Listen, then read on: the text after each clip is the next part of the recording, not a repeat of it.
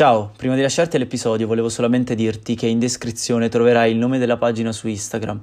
Cercala e iniziami a seguire per rimanere aggiornato su tutte le pubblicazioni e su tutte le cose che costantemente condivido.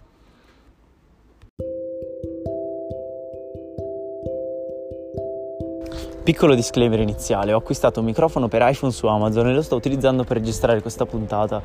Sono le due di notte e sono per strada, probabilmente sentirai dei rumori e delle macchine ogni tanto tipo adesso, però ho deciso di portarti con me in questo momento molto importante della mia giornata che consiste in questa passeggiata introspettiva che faccio ogni volta che torno a casa prima di andare a letto.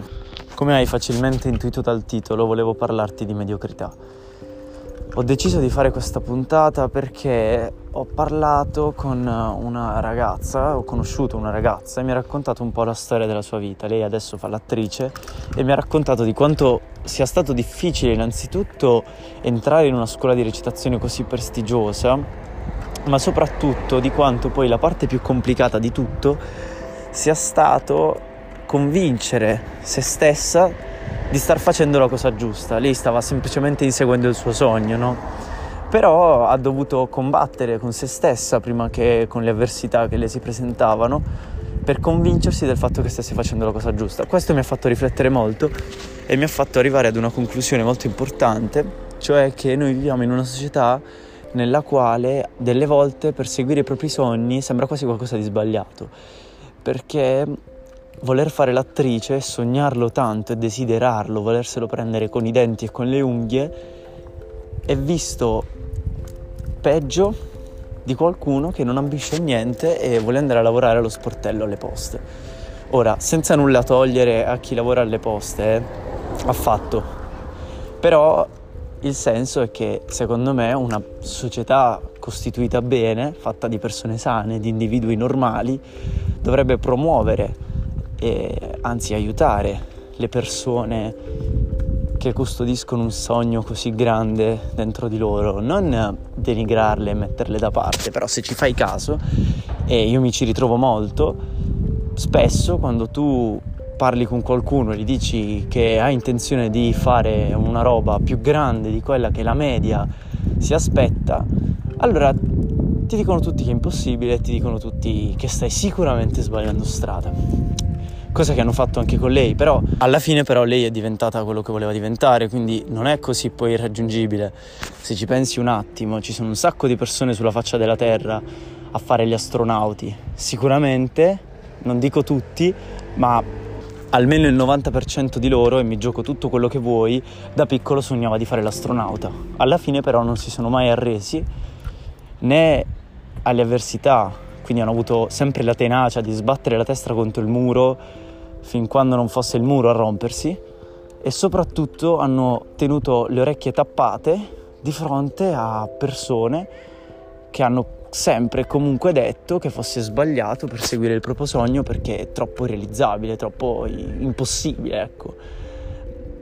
Ed è qualcosa di veramente malsano che è insidiato nella testa di un sacco di persone e che quasi a me dispiace cioè, mi dispiace perché io capisco che spesso le persone hanno bisogno di certezze e più che di certezze hanno bisogno di comprensione, ok? Non so se ti è chiaro quello che intenda dire, però c'è sempre questo bisogno di sentirsi accettati, di, di non essere mai il diverso. Ne ho parlato anche un po' di giorni fa nell'altro episodio, la mocca viola. Io credo che delle volte ci sia una concezione malvagia quasi. E questo perché?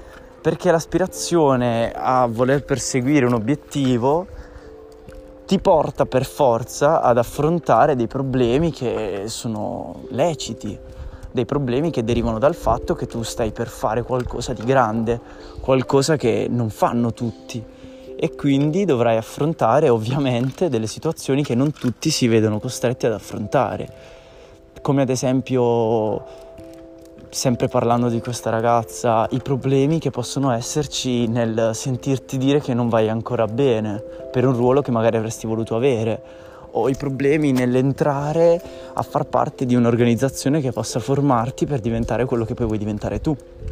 Ma tutti i più grandi se ci pensi, hanno sempre affrontato delle grandi difficoltà, sono andati oltre, sono riusciti poi a vincere le avversità, sempre guidati dalla voglia di non essere mediocri.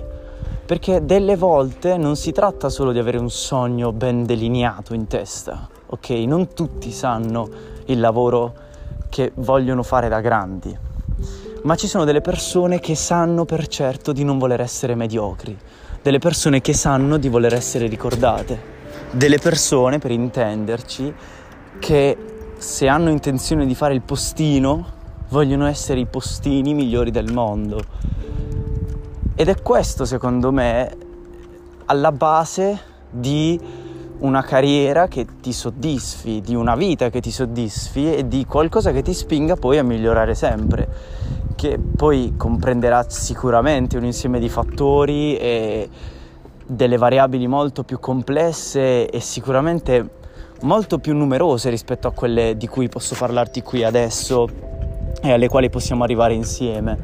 Ma il senso del discorso è che non devi mai lasciarti influenzare dall'idea che gli altri vuoi che abbiano di te e dall'idea che gli altri hanno della loro vita perché non è mai così.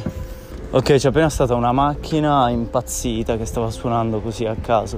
Comunque, niente, quello che volevo dirti è questa roba qui, che non devi mai lasciarti scoraggiare dall'idea che gli altri avranno del, dei tuoi obiettivi, dei tuoi sogni, che sia in ambito lavorativo, che sia in qualsiasi altro ambito, e non pensare mai di non poterci riuscire fino a quando qualsiasi cosa non è contro di te e l'unica persona a crederci sei tu. In quel momento là io ti do, per quanto possa essere inutile, l'autorizzazione a riprovarci all'infinito.